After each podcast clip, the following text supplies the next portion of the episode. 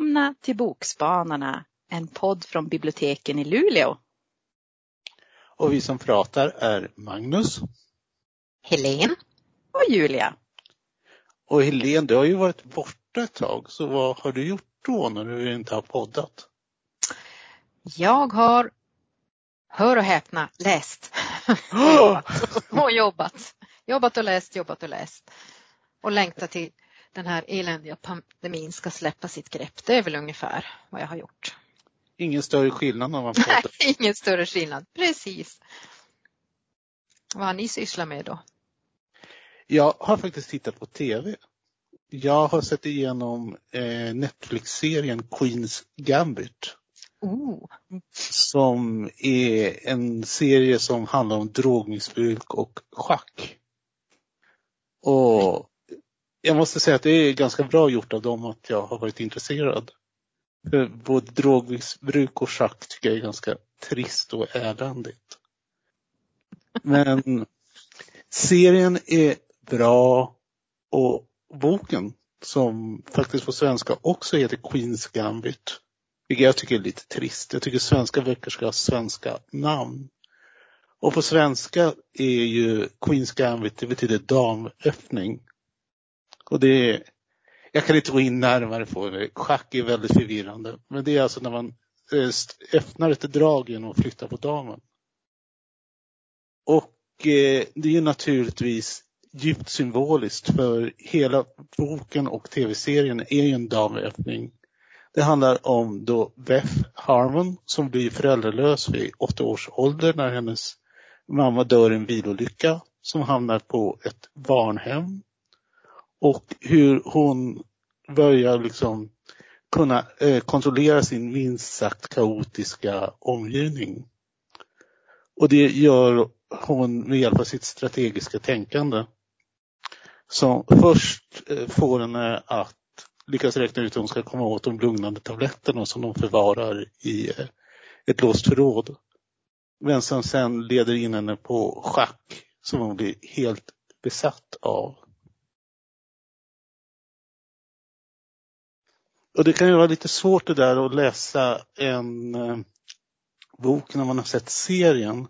Därför jag känner, och det här är ett tecken på att serien är bra, att den har en tendens att liksom ta sig in och ta över. Jag läser en scen och så tänker jag, åh vad bra den är skriven. Tabletterna har precis just den färgen och de ligger i en burk som känns ungefär så här tung att hålla i. Och så kommer jag på, nej, det där har jag ju sett. Eh, men till skillnad mot eh, boken, eller boken till skillnad mot serien är att den är mycket mer tvär. Den är ungefär som ett pärlhalsband där varje scen är uppträdd. Och så är det lite paus och så kommer nästa scen. Medan tv-serien är som ett flöde. Och boken är också mycket mer, vad ska jag säga, elitistisk. Det finns en koppling mellan vackra människor och intelligenta schackdrag.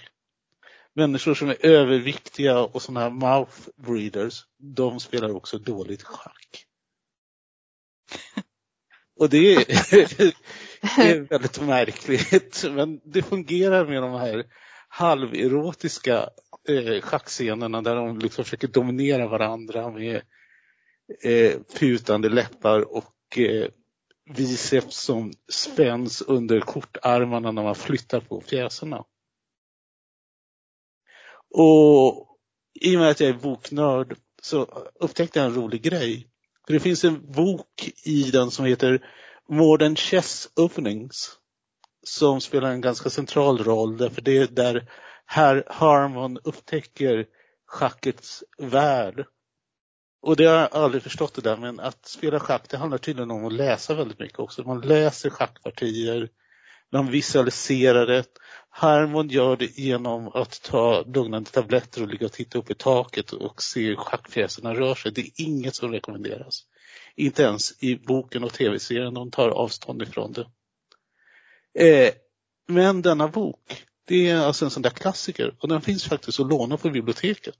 Så om ni vill läsa det som Harmon läste Så går ni till schackhyllan och så finns det där Modern Chess Openings. Och vi har den fjortonde upplagan. Hon läste en något eh, tidigare upplaga.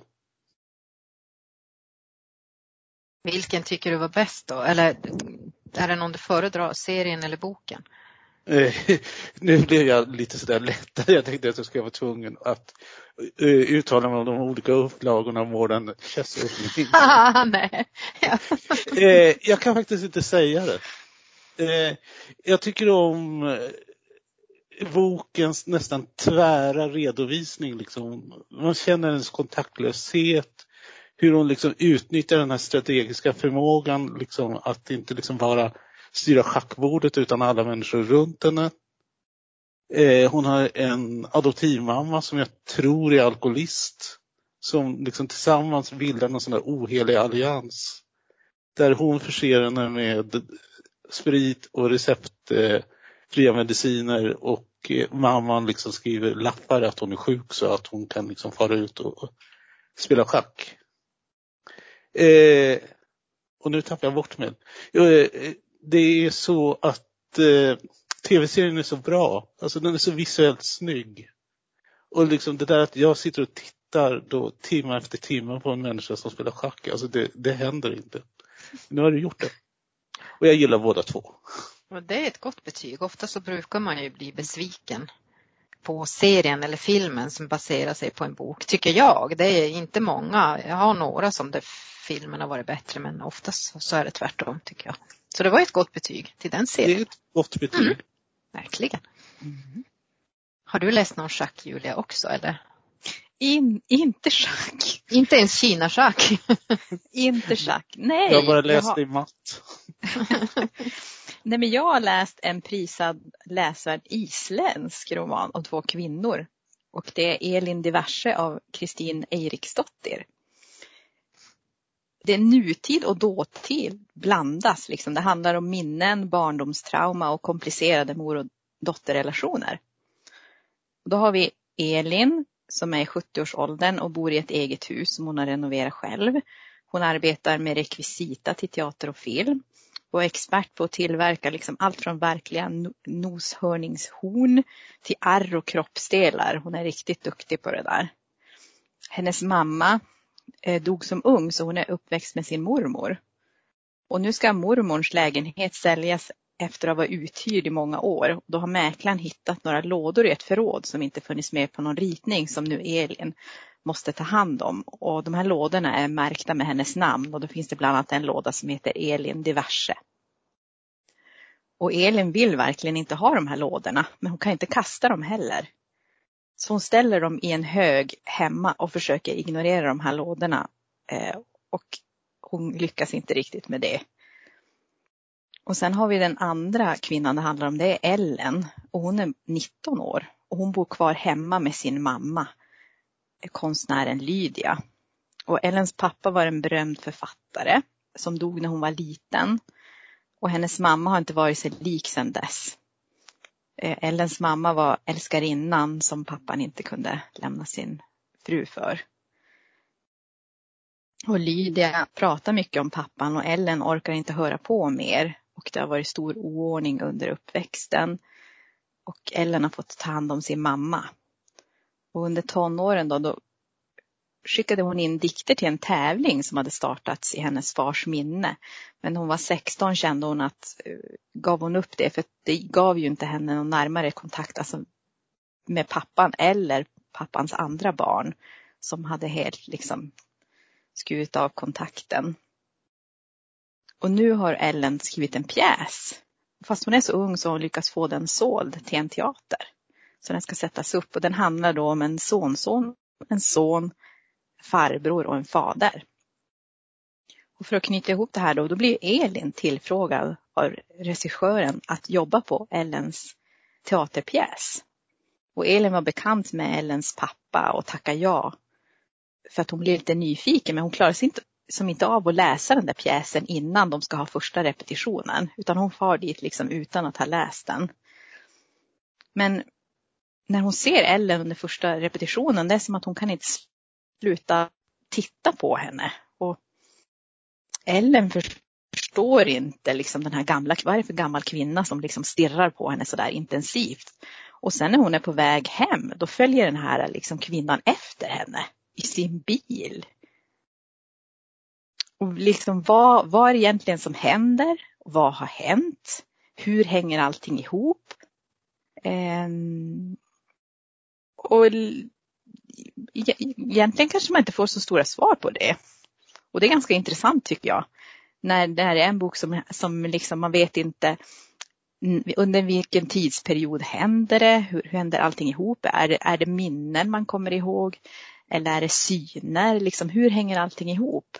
Så jag tyckte det var jag gillar den. Den var verkligen spännande men det är ingen klassisk dramatisk kurva i den här boken precis. Men det, är liksom, det har ju ändå som en story som hänger, hänger ihop med den här liksom teaterpjäsen och den ska sättas upp. Men sen det runt omkring är verkligen liksom, jag vet inte, organiskt, jag vet inte hur jag ska uttrycka det. Så väldigt spännande. Så läs Elin Diverse av Kristin mm. Eriksdotter. Vad har du läst då Helene? Ja, det var ju lite roligt för det här är också om två kvinnor och två tidsperioder faktiskt. Men då får vi förflytta oss från Island till Japan och USA. Den här boken, Kvinnan i den vita kimonon, kimonon av Anna Jones, den utspelar sig i Japan på 50-talet och i USA nutid. Och i Japan då på 50-talet så får vi följa 17-åriga Naoko Nakamura. Hon har förälskat sig i en amerikansk sjöman men hennes familj har redan sett ut vem hon ska gifta sig med och det är ju en man som är väldigt bra för familjens affärer och så vidare. Men Naoko hon driver igenom att de ändå ska få träffa den sjömannen, Hajime kallad. Och han kommer ju då och ska träffa familjen och det blir en total katastrof. Det blir en riktig kulturkrock som inte alls slutar väl. Och i USA där vakar Tori Kovac över sin pappa som är dödssjuk i cancer. Och han börjar då prata och hon förstår inte riktigt vad det är han pratar om. Men han säger att nu är det dags att du läser mina brev. Och så hon börjar då leta i pappans tillhörigheter och hittar brev. Och i de här breven som hon börjar som fundera vad är det han skriver egentligen? Så trillar det ut ett foto på en kvinna i en vit kimono och då börjar hon inse i och med det hon läser att hon måste nog åka till Japan och rota i det här för det är ju någonting som har hänt som pappan inte helt hinner förklara innan han går bort. Och den här historien har en verklighetsbakgrund så hon har hämtat det här från en, en verklig händelse. Och den här vita kimonon som den här japanska kvinnan har det är alltså en bröllopskimono kimono tydligen som man hade i Japan. Och den är, den är gripande och den är spännande tycker jag också och eh, ganska vacker. Jag, jag är väldigt eh, såld på att läsa böcker just om Japan och kulturer som vi inte vet så mycket om och som man är så insatt i. Det tycker jag är väldigt spännande och den är mycket bra skriven. Den finns som talbok på Daisy men den finns, jag har inte hittat den, Den finns som ljudbok eller e-bok eller någonting, tyvärr. Men vill man läsa om andra kulturer också så Kvinnan i den vita kimonon av Anna Jones. Det är väl det som är spännande med böcker, just att man kan glida mellan olika tidsåldrar och olika Exakt. geografiska platser. Och så får man så här, kan man få öppna, åh jag måste kolla, vad är det där för en plats? Jag måste kolla på kartan eller jag måste läsa mer om det där. Eller, det tycker jag är jätteintressant när man får en sån där kick av någon bok. Och sen är det ju en liten speciell känsla när man vet att det finns en verklighetsbakgrund också. För det är väl som de säger att verkligheten överträffar alltid dikten. jag måste säga, mm. jag är helt tvärtom. Jag älskar påhittade historier. Alltså det värsta är när det är sådana här eländesskildringar och så tänker man herregud det är någon människa som har gått igenom det här. Ja. Och i det här avsnittet så pratade jag om Walter T. Tevis The Queen's Gambit. Och om man är riktigt nördig så läser man schackboken som finns i The Queen's Gambit, Modern Chess Openings. Absolut, och jag pratar om Elin Diverse av Kristin Eiriksdottir. Och jag pratade om Kvinnan i den vita kimonon av Anna Jones. Ja, ska vi ge oss för idag tror ni och gå vidare och läsa till något annat bra till nästa avsnitt? Ja, för jag har en sån där pile of shame i mitt hem. En pile of shame, det är något som alla bokälskare har. Alltså den där högen med böcker som man ska läsa. Mhm. Ja, det, det låter spännande. Fast jag har kommit upp i den där åldern som min pile of shame har en pile of shame på sig. Så jag ligger efter. Ja, det gör jag med kan jag säga i mina. Ja, men då får vi säga hej då så Magnus kanske får mer tid att ta, ta itu med sin pile of shame. Och se om han hinner det till Ja. nästa avsnitt. Lycka till Magnus. Ja. Ja. Hej då! Hej.